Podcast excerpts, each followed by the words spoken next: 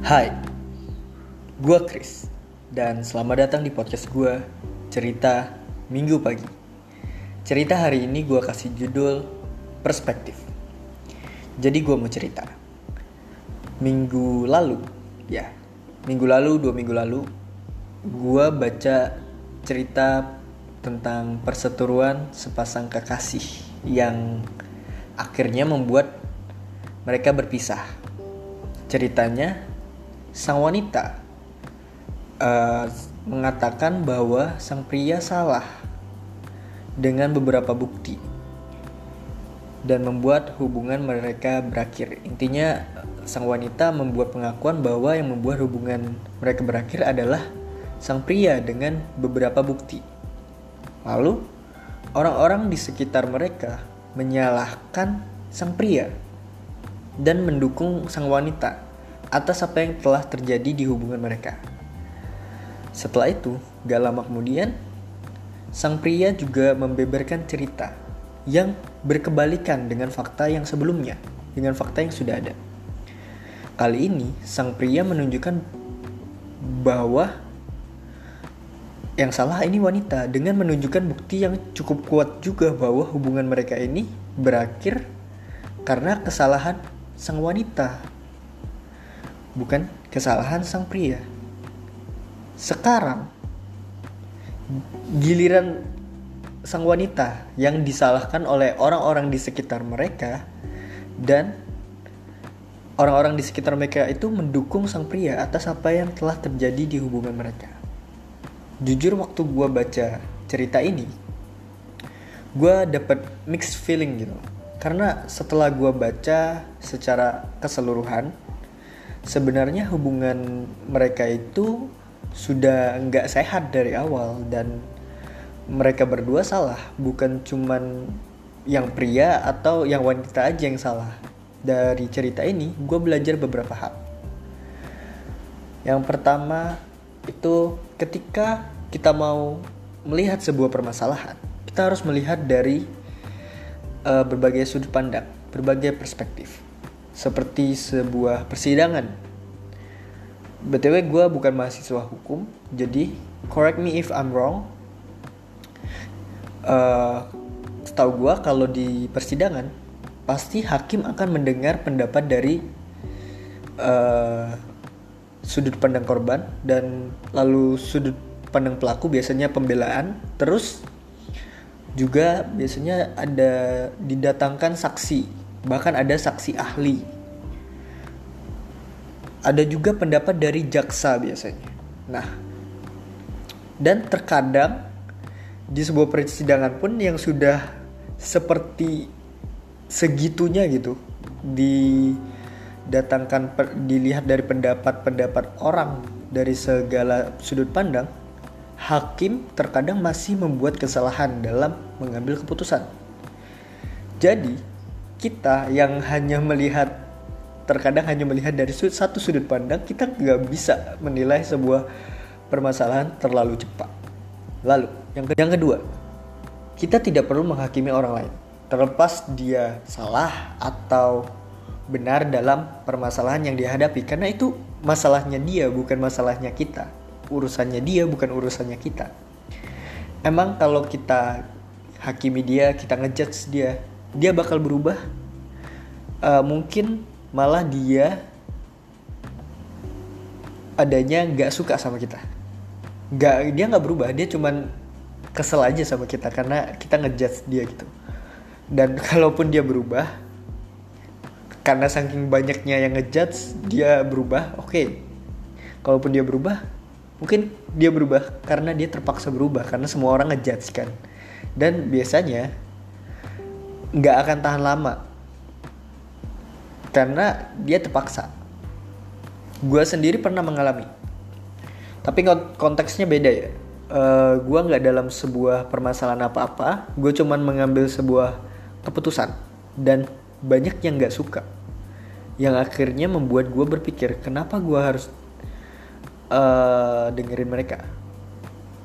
Awalnya gue mikir oke okay, banyak yang gue suka gue gua uh, akhirnya mengambil saran mereka karena banyak yang gak suka. Terus setelah gue mengambil keputusan yang berbeda gue menyesal. Karena itu bukan keputusan gue gue ngikutin keputusan keputusan orang lain yang nggak suka dengan keputusan gue dan akhirnya itulah yang membuat kenapa uh, yang membuat gue berpikir kenapa gue harus dengerin mereka. Ini kan hidup gue kalau menurut gue benar dan tidak merugikan orang lain kenapa tidak boleh nah bisa jadi orang yang kita hakimi orang yang kita judge juga berpikir seperti itu. Dia merasa dari sudut pandang dia, dia tidak salah, sehingga untuk apa berubah.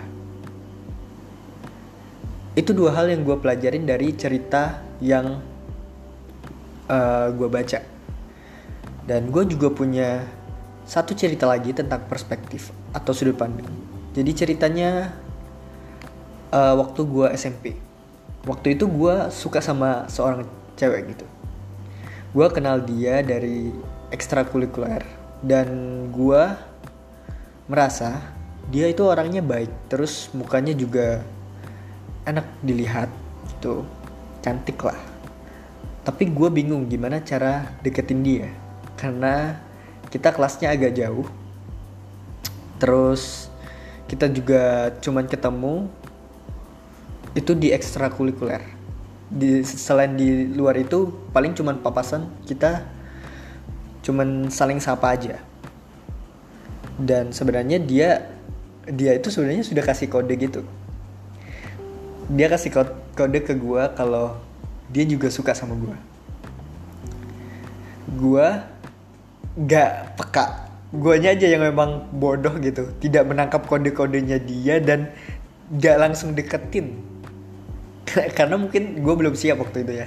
Jadi kayak gimana ya deketinnya? Gak gue gue bingung aja. Gue nggak siap. Dan akhirnya waktu gue sudah siap deketin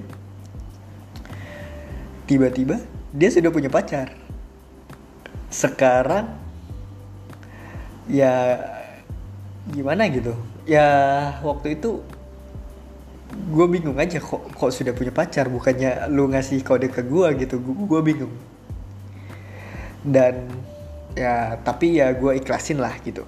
Gue ikhlasin aja itu kejadiannya gue kelas 8 kelas 2 SMP dan waktu gue kelas 9 ceritanya sudah itu ceritanya kelas 8 akhir terus naik kelas 9 kan naik kelas 9 semester 1 kelas 9 semester 2 gue punya pacar.